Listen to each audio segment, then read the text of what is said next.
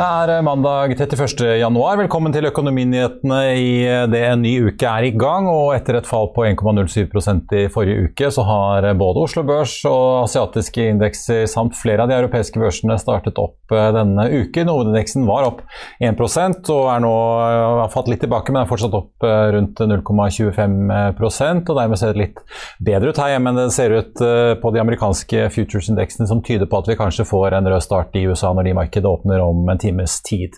Nordsjøoljen bikket jo i forrige uke 90 dollar fatet for første gang siden 2014. I dag er eh, den ned 1 til drøye 89 dollar i spotmarkedet, mens den amerikanske rettoljen prises til 87,30. I dagens sending skal vi snakke, med, snakke krypto med sjefen i Arcane, Torbjørn Bull Jensen, og vi får også teknisk analyse av Quantafuel. Og hvis vi skal se litt på enkeltaksjer, så kan vi egentlig begynne der, for Quantafuel er dagens store taper. Den er ned 18% nå, var ned 20 20 på det verste for plastgjenvinningsselskapet. Quantafuel endte jo fredag ned 10,4% etter meldingen om at de hentet 400 millioner kroner i en rettet emisjon til 25 kroner aksjen torsdag kveld. Quantafuel-aksjen ligger og handler nå omtrent på 20 kroner og 90 i øre. og Quantafuel har jo på linje med veldig mange andre vekstaksjer fått seg en ganske kraftig knekk det siste året. Så langt i år er aksjen ned 35% og nesten 70% de siste tolv månedene. En annen aksje som er i vind i dag, er Nycol Therapeutics, tidligere kjent som Vaxibody. Det er faktisk den nest mest omsatte aksjen på Oslo Børs i dag. Eh, omsatt for rundt 350 millioner, og ligger dermed like bak eh, Equinor. Den aksjen opp et par prosent. og det er hovedsakelig en veldig stor handel som ble meldt inn like før børsåpning i morges på 202 millioner kroner, som bidrar til den store omsetningen. Men da har altså kommet ganske mange handler etter det også. Det er ingen børsmeldinger fra selskapet som har kommet i dag. Og så får vi gratulere på, hva skal vi si, noteringscomebacket Gram Car Carrier, som kom seg på Aeronext Growth i dag. Rederiet som eier 18 bil- og kjøretøyfraktere og drifter ytterligere fire, prøvde seg jo på en børsnotering i november i fjor, men etter noen sonderinger i markedet så trykket de på pauseknappen og utsatte prosessen. I midten av januar kom meldingen om at de hadde klart å hente en drøy milliard kroner i frisk kapital til 53 kroner aksjen. Og i ettermiddag er eh, Gram Car Carrier opp eh, rundt 2% til 54 kroner og 10 øre. Og så har jo salatprodusenten Calera, der eh, Orkla-aksjonær Stein Erik Hagen er inne på eiersiden, kunnet melde i morgen om at de nå fusjonerer med dette såkalte SPAC-selskapet Agrico Acquisition Corp, og vil dermed notere seg på Nasdaq-børsen i USA og strykes på Oslo Børs. Calera var en av dagens store vinnere med en oppgang på over 17% til 9,37 på det meste, men aksjen har falt tilbake og er nå opp eh, rundt 3% til 8,23. I forkant av eh, fusjonsmeldingen hadde meglerhusene ABG og DNB kursmål på hele 22-23 kroner på Calera. Arctic og Pareto lå inne med 14 og 18 kroner, og eh, de lå enten inne med kjøp- eller holdanbefalinger fra disse meglerhusene. Og så tar vi med meldingen om at uh, selskapet Swipe har uh, utnevnt Daniel Glenn til ny finansdirektør i selskapet. Hun kommer fra Arctic Bioscience og vil tiltre i mai. Den aksjen er ned 3,5 i dag.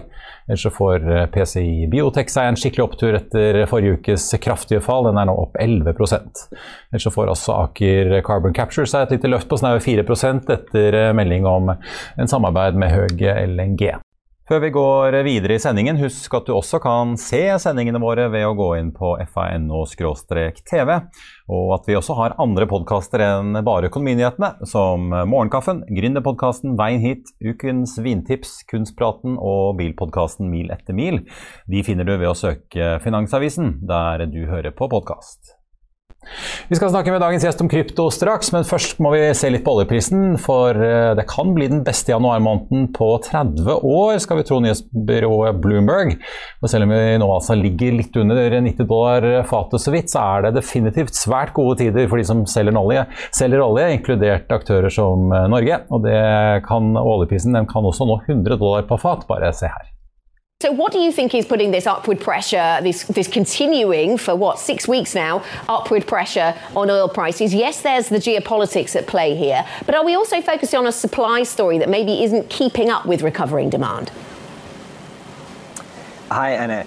Yes, I think it's very much a case of geopolitics and concern about supply, and also optimism um, about how strong demand is at the moment and how uh, the Omicron variant really isn't hitting oil oil consumption all that much uh, globally.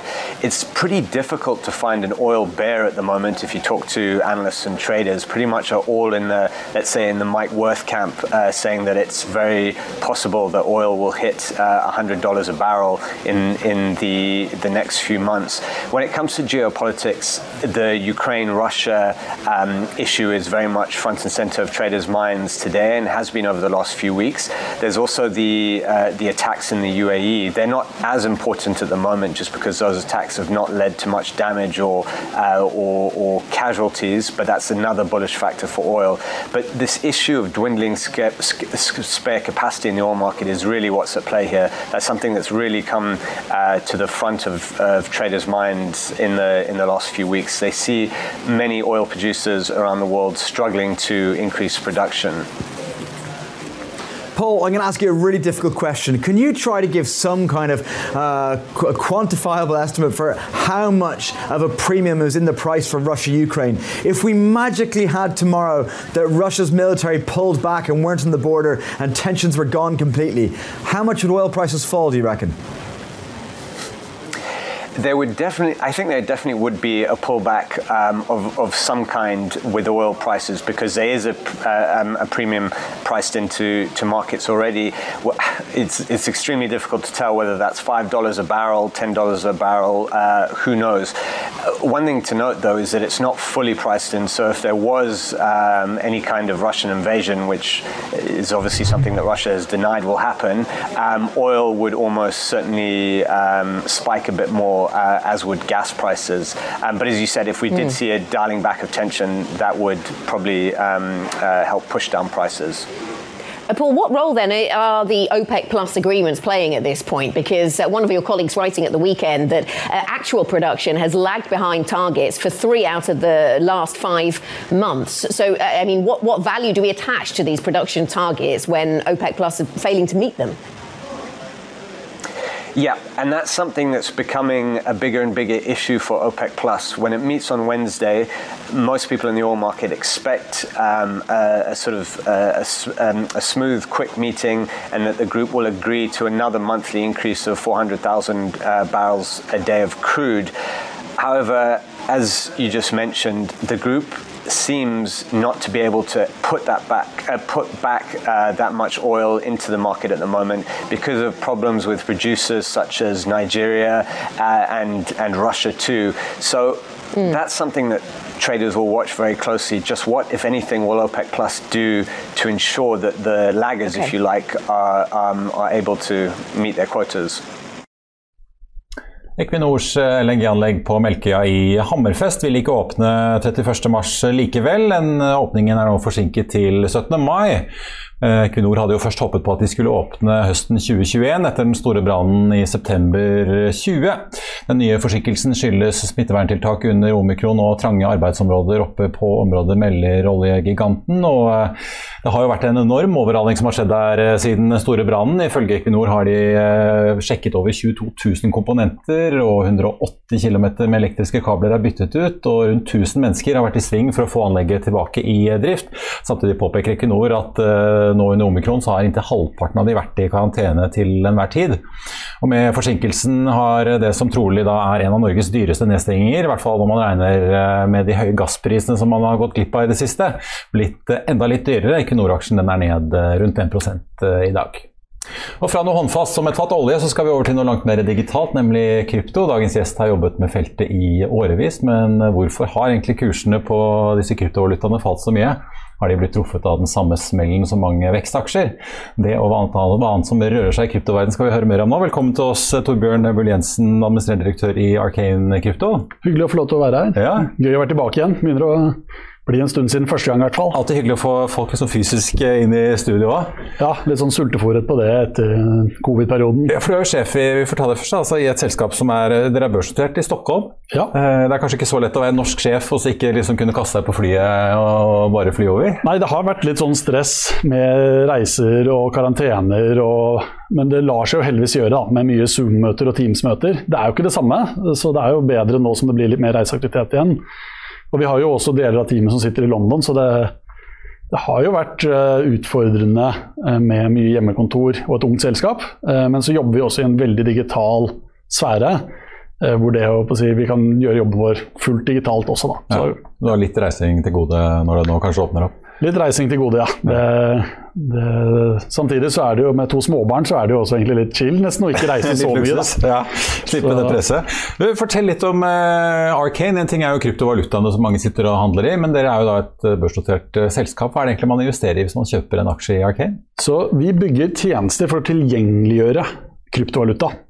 Eh, Vi har bygd opp en portefølje av ulike selskaper eh, som driver med veksling. F.eks. Kaupan Krypto som en megler for store kunder her i Norge. Med markedsanalyse, eh, et hedgefond for profesjonelle investorer. Og akkurat nå så er det en, måte, en eh, liste med forskjellige merkevarer og forskjellige selskap i Arcane-porteføljen. Det vi gjør er at vi bringer dette sammen på én tech-plattform. Sånn at du kan få én meny der du kan velge som bruker å lære, trade og investere. At du ikke trenger disse mange forskjellige kundeforholdene. Og Dette er litt unikt i kryptosektoren. Det er utrolig mange plattformer der ute, eller selskap der ute som har måte, er one trick ponies. De har måte bare en børs, de har bare en veksling. Eh, men når man ser på tradisjonell finans, så ser man at dette her finner man inn under samme tak, og det er der vi henter mye av den inspirasjonen. Altså, det høres jo nesten ut som det er satt opp litt som et eh, tradisjonelt uh, meglerhus. Det kan minne veldig om et tradisjonelt meglerhus eller bank. Altså ligger, vi har også pilotert betaling og kommer til å ha det som en del av tjenestetilbudet. Eh, Og det er jo nettopp ved å se til tradisjonell finans at du ser hvilke synergier du får ved å bringe det sammen.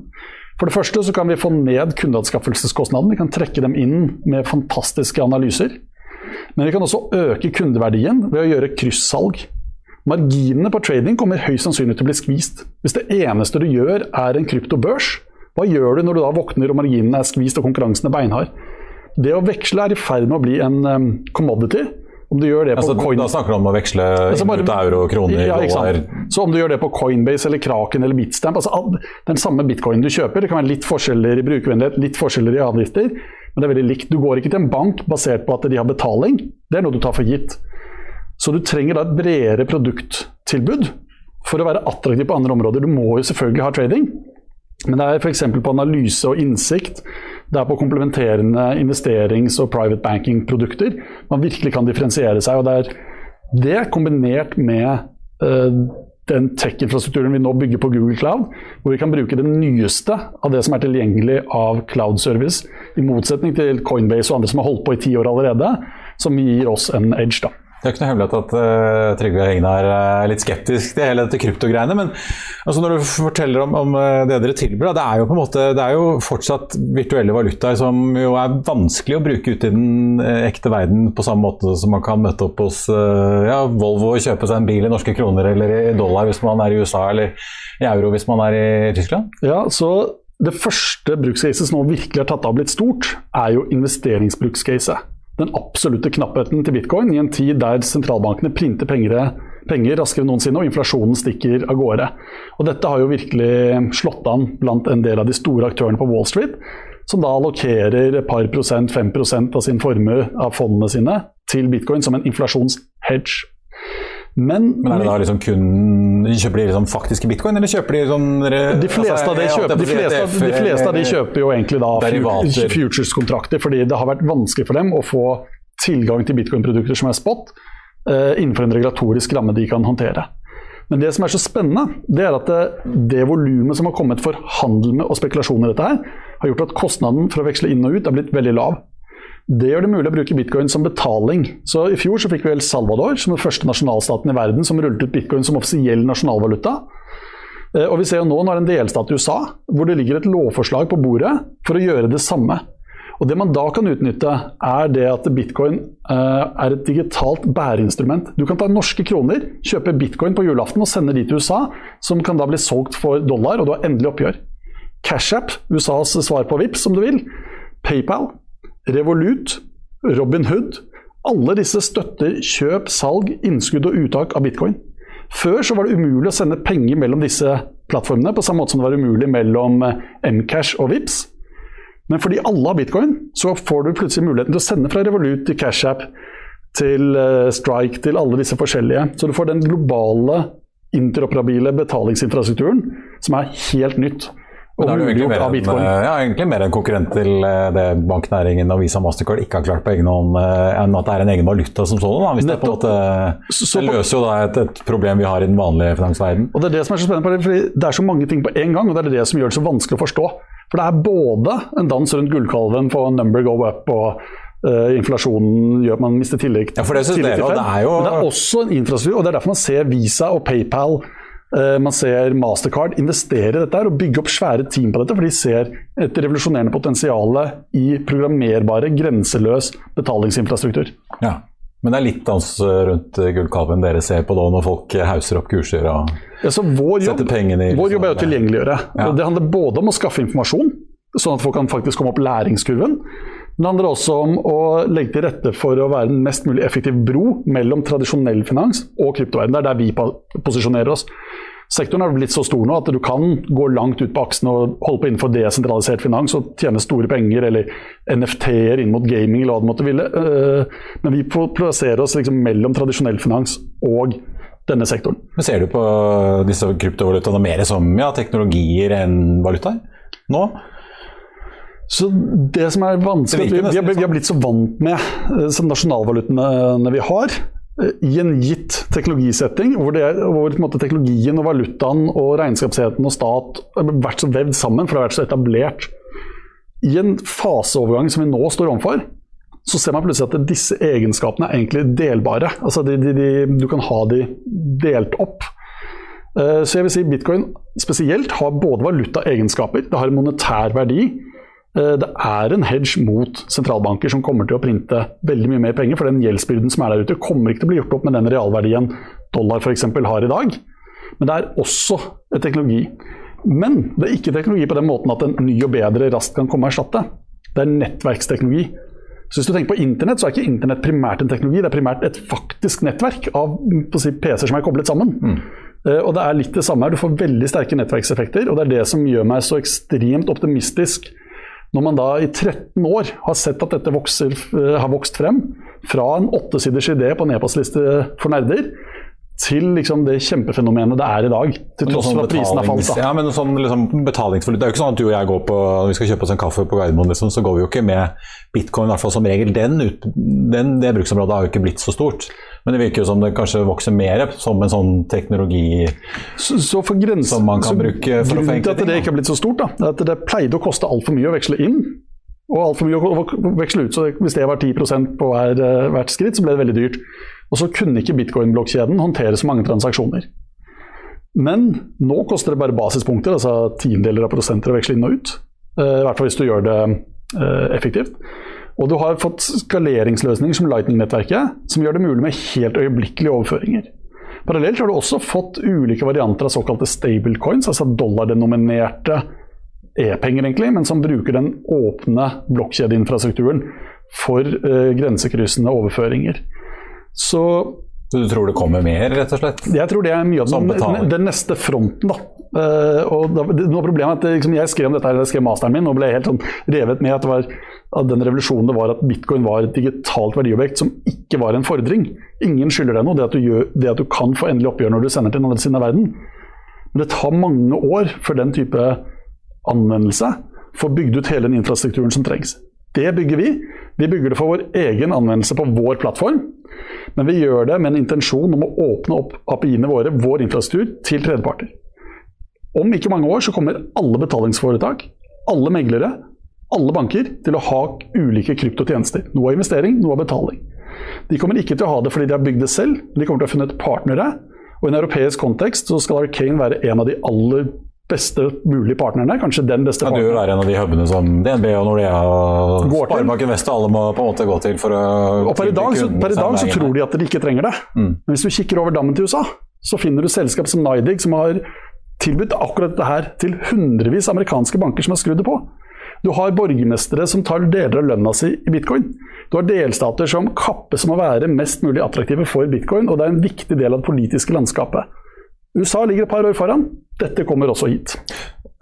Facebook prøvde seg jo på dette store Libra-prosjektet, som vel ble døpt om til Diem. Eh, Ja. Hvor de skulle samle banker og masse forskjellige aktører. og Det var jo store kjente navn som var med på dette her. Og så gikk det nedenom og hjem. Og så gikk det nedenom hjem. og I hvert fall i starten så virket det jo som store banker her hjemme var litt sånn stressa for hva de hadde funnet på nå. Men så har liksom jeg hadde forvitt jeg ute og forvitrer litt ut i sanden. Eh, Så ser jeg at eh, det amerikanske tidsskriftet The Verge er ute og spekulerer i at den amerikanske sentralbanken har lagt litt press på de bankene som var med her, for å ikke la dette bli noe realitet. Men hvorfor tror du liksom Facebook ikke lykkes som en tross alt så stor aktør som de er? da? Det er to grunner til det. Det ene er sentralisering. Nettopp når du da prøver å gjøre et så ambisiøst prosjekt, og du har en dør å banke på, du har en daglig leder å kalle inn på høring eh, til Senatet, så har du et politisk presspunkt. Det behøver ikke å bety at det de skal prøve på er ulovlig, men du kan presse så hardt og bruke så mye myk makt at det aldri skjer, det springer aldri ut, det blir, liksom for ambisiøst. Men det andre er også det som kalles John Galls lov. Du kan ikke designe et komplekst system fra scratch og få det til å fungere. Det må vokse frem fra et simpelt system. Facebook var et enkelt system på én skole som så vokste frem til å bli veldig stort. Det Libra-prosjektet prøvde, var å liksom løfte alle delene av et marked på én gang. Når du tar et konsortium med 10-15 konkurrerende aktører som skal plutselig samarbeide og sitte i et styrerom og vedta innovasjon top down, så bryter det alltid sammen. Før Libra så, så vi det samme med R3-konsortiet. Da var det bankene som var inne. 40 av de største bankene skulle bruke blokkjedeteknologi, teknologien bak bitcoin, til å revolusjonere eh, liksom alt av interbankoverføringer. ble ingenting av det. Eh, Så jeg var jo blant de som var veldig tydelige på det på dag én. At de syntes det var litt spennende fordi Facebook faktisk kalte det kryptovaluta. Eh, De satte agendaen og fikk en del folk til å våkne. Eh, Men jeg hadde aldri noen særlig tro på at det faktisk kom til å fly. Skulle Facebook lykkes, så kunne de rullet ut betaling f.eks. for sine søramerikanske sør brukere i det økosystemet de har. Dollar-denominert, istedenfor å prøve å lansere en ny verdensvaluta. Hva tror du står igjen i denne kryptoverdenen om noen år? da? Er det, liksom, er det bitcoin og Ethereum og sånn som liksom Det som var der fra starten, det vil jo fortsette å stå der, og så vil du og andre leve av det, på en måte? Så det er veldig viktig å være klar over at det stadig er nye prosjekter som kommer opp. Så de som, det eneste unntaket er bitcoin og etter hvert Ethereum, som er de som har stått seg over tid. Eh, Og det forteller oss veldig mye om at her er det en X-faktor. Det er jo helt fantastisk at bitcoin har kunnet gå fra å være en åttesiders idé til å da bli det gigantfenomenet uten at dere hadde den backingen som type Facebook hadde. Så man må nesten klype seg i armen hver gang bitcoin fortsatt er her. Det er en Men hva X-faktor er den. X-faktoren? Det er jo nettopp det at det er et system som vokser fram. Det er åpent, så du får fri innovasjon. Det gjør at du hele tiden kan få nye narrativ. I starten var det kanskje betaling for liksom nerdepenger, så var det kanskje betaling litt på darknet, og så viste det seg at det var veldig lett å spore, så det var ikke så egnet der. Så ble det Wall Street som skulle gamble på at det finnes halvparten så mange bitcoin som det finnes dollarmillionærer, så de kan ikke eie en hel en hver. Så var det plutselig betaling, det at det ikke er sentralisert, men at det er åpent. Det er samme X-faktoren som internett hadde.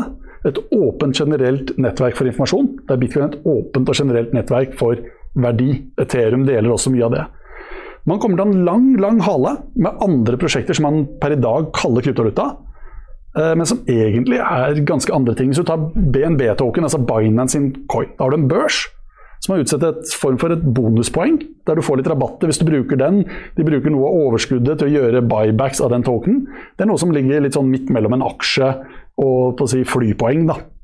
Men det kalles kryptovaluta i dag. Om noen år så kommer vi nok til å ha mye mer finmasket uh, eh, definisjon av disse her. Og det man ser er at alle disse prosjektene som skal erstatte bitcoin, som pitchet det i 2017, de er borte. Nå skal alle mange nye prosjekter erstatte Ethereum. Det blir spennende å se hvordan det går. Men jeg tror nok du kommer til å få en, en sånn power law hvor det bitcoin og Ethereum er litt største, og så får du en lang hale med mye annet interessant. Annet, eh, ja. Men også mye ræl. Krydder, ja. Mye Mye ræl, eh, shitcoin, som det kalles på fagspråket. Eller en Det- fin, det- eller fin blomsterbukett, som en eh, tidligere kollega av meg kalte det. du, vi må snakke litt om, om eh, kursfallene. for Er det noe folk liker å følge med, så er det jo kursene på disse, Ja. disse kryptovalutene. eh, Og for så vidt også aksjekursene deres. Eh, dere har jo falt 22 eh, så langt i år. Eh, nesten halvert siste året. Ser man på da Bitcoin var jo oppe i kan du se på kroner, da, nå er den på 330 000 omtrent. Var på 420 nyttår. Det hjelper jo at krona blir litt svak også, Ja, så gjør det ikke så vondt. Du kan velge litt Ser du dollar, det eller kroner, men det er jo ganske makabert i dollar òg, fra Ja. den toppen vi så i november. Hvordan oppleves det i liksom, kryptobransjen, hvis jeg kan kalle det det? Opplever dere at dere er liksom, tatt med i dragsuget av eh, vridningen som skjer i aksjemarkedet fra grønne og, og vekstaksjer over mot liksom, de tradisjonelle, trauste verdiaksjene? Så det er jo ikke noe tvil om at kryptosektoren falt av de samme årsakene som at vekstaksjer falt, som var at eh, spesielt Fed eh, kommuniserte at nå kommer det rentehevinger. Eh, I det korte bildet så behandles bitcoin, eh, og så i forlengelsen av det, eh, kryptovaluta som en risk on-aktiva. Og når da rentene skal opp, så trekker du mest kapital ut fra det mest risikable, og bitcoin er på kort sikt i den kategorien. På lengre sikt derimot, så er jo den hedge-elementet som er i bitcoin, det er jo mot et systemisk brudd. Og det blir jo veldig interessant å se om Fed denne gangen, i motsetning til de fleste gangene tidligere, faktisk kommer til å kunne klare å heve rentene på alle disse nivåene, eller om det prikker da egentlig en gjeldsboble, og at de må snu, eller at de til og med, som det ser ut som allerede nå, begynner å dysse det litt ned i forkant, for å, fordi de har ikke mulighet til å sette opp renta så mye da. Ja. Så hvorfor er det blitt sånn? For det var ikke sånn før. Før var det sånn at en eh, teknologiinnovasjon til bitcoin var viktigere, og det er jo Wall Street. Når stor institusjonell kapital har kommet så tungt inn i bitcoin som det har gjort, så blir også bitcoin i kryptovalutasektoren i det korte bildet korrelert med andre eh, finansmarkeder. Det at bitcoin falt sammen med andre finansmarkeder, er selve beviset på at eh, du har da disse store selskapene som er kommet inn. Du har tradisjonelle investorer som sitter i begge markeder, og som da, når de får høyere fundingkost i det ene markedet, så trekker de det ut også i bitcoin. Ja. Men, jo, ja, men når er det du tror den effekten kommer, at man ikke ser på det så mye som en sånn eh, fremtidig tech-investering, eh, og at man heller ser på det som en, eh, ja, en investering i gull, som jo mange setter pengene litt i gode tider for å ha en hedge når det, når det smeller i aksjemarkedet? Så det skjer jo, men ikke, heller Ikke ikke, men heller ikke gull for at man skal ha en hedge mot at renta går opp på kort sikt, men mot et systemisk brudd. Eh, Jeg håper at ikke det skjer, og i hvert fall ikke i nær tid. Men den enorme gjeldsbelastningen som er der ute, den pengetrykkingen som har skjedd, den populismen man ser der en betydelig andel av den amerikanske befolkningen betviler fortsatt valgresultatet. Du ser fra Canada, du ser fra Frankrike den ekstreme populismen. Forteller oss at den selvpressen kommer ikke til å bremse. De sjekkene man har sendt ut, kommer ikke til å stoppe opp. Eh, Og i et sånt scenario så er det da fort et tidsspørsmål før det etablerte da eh, kan briste. Da. Og det er jo det scenarioet du virkelig får den knekkpunktet. Ja. Men du vet ikke helt når? Jeg liksom, håper, jeg håper ikke det skjer, men det er liksom det som er mye av tesen, og der hedge-elementet ligger. Men så er det viktig å være klar over at uh, du kan da finne uker og enkeltdager hvor det er korrelasjon.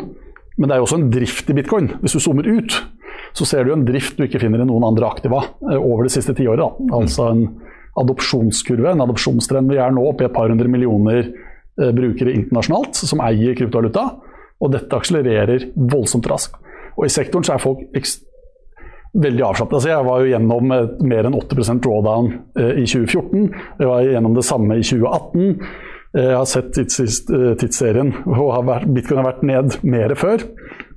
Altså veldig avslappet nå. Bitcoin har aldri vært sterkere. Nå er det en aktiva som du har flere børsnoterte selskap som holder som en del av sine reserver. Du har de aller største storbankene i verden som konkurrerer om å tilby tjenester på dette her.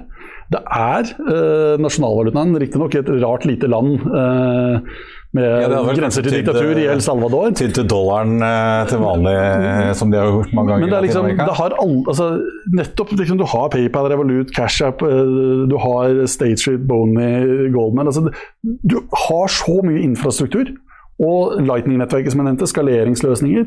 Og nå snakker jeg mest om bare bitcoin. Hvis du plusser på det som har skjedd på Ethereum-nettverket, så er det bare Det er, det er ikke noe tvil. da. Momentet i sektoren er større enn det noensinne har vært. Men likevel, da, nå har vi gått fra 64 til 37 000 dollar for en eh, bitcoin. Litt surt? Ja, altså, men det Det er, jo i hvert fall surt en del der ute, må det det, selvfølgelig, selvfølgelig er det surt. Det er jo morsommere når eh, man tjener penger eh, altså, og verdiene stiger. og liksom man sitter, Jeg har jo bitcoin privat, og det er morsommere hvis det gikk opp. Men jeg har ingen forventninger om at det skal være en smooth ride rett opp. Og for å være litt ærlig så ser ja, så syns jeg egentlig at den volatiliteten er litt bra at den får vist seg. For det, i perioder hvor det går for bra, så får du for mange som overhodet ikke leser, som bare følger en eller annen YouTuber og tror at de risikofritt skal bli rike. Og det er selvfølgelig vondt for dem som da havner i ordentlig mm, kinkige situasjoner, men du trenger disse utvaskningene for å få litt edruelighet tilbake inn i markedet. Det gir litt folkeopplæring. Hva tror, men tror du bunnen er nådd nå på ja, 37 000 ish dollar? Jeg tror det avhenger veldig av eh, sentralbankene eh, og- finansmarkedene i bredt. Det er, jeg vet ikke. Eh, det er en reell risiko for at man får rentehevinger som går greit én og to og tre ganger, men hvor da etter hvert så får du da gjeld som man får problemer med å refinansiere, og så begynner skredet. Det finnes en fare for at uh, til og med sentralbanken er klar over at ved å heve rentene, så vil de prikke gjeldsboblen. Men hvis de ikke prikker den, så får de ikke legitimiteten til å holde pengepolitikken ekspansiv. Fordi inflasjonen er rekordhøy. Holder den ekspansiv nå, så prikker det ikke gjeldsboblen, men da får de tyn og kritikk for inflasjonen. Så det er liksom, man er midt mellom eh, pest eller kolera. Men du tror det kan slå ut på Ja, også, det, kommer kryptokursen, det kommer garantert liksom. til å slå ut på kryptokurser. Det er, det er, I det korte, altså i de dag til dag, uke til uke, så er det ikke slutt på høy korrelasjon med SMP og bitcoin og bitcoin og resten av kryptomarkedet. Men det man ser da, nok en gang, det er jo at eh, veldig mye av de andre coinsene har en høyere beta, om du vil. De faller enda mer. Så bitcoin er innenfor krypto, så er bitcoin safe haven, om ikke annet.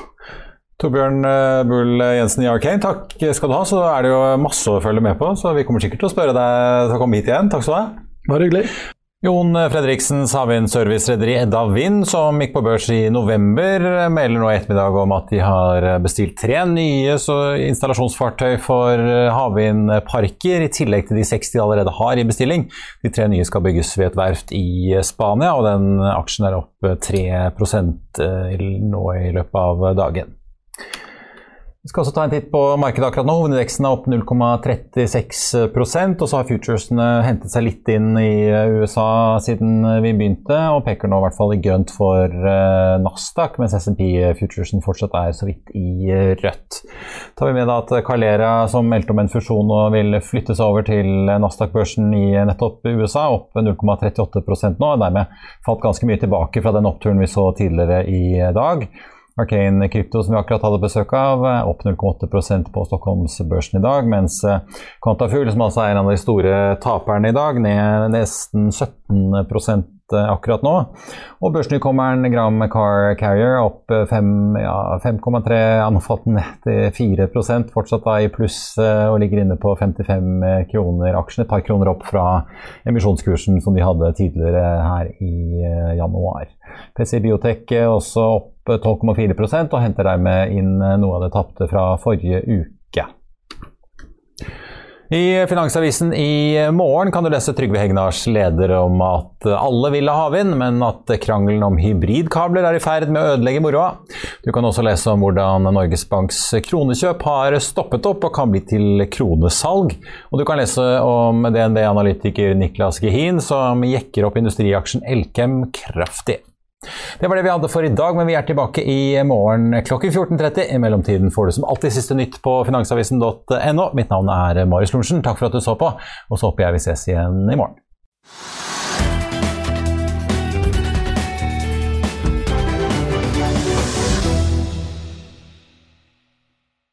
Økonominyhetene er en podkast fra Finansavisen. Programledere er Marius Lorentzen, Stein Ove Haugen og Benedikte Storm Bamvik. Produsenter er Lars Brenden Skram og Bashar Johar. Og ansvarlig redaktør er Trygve Hegnar.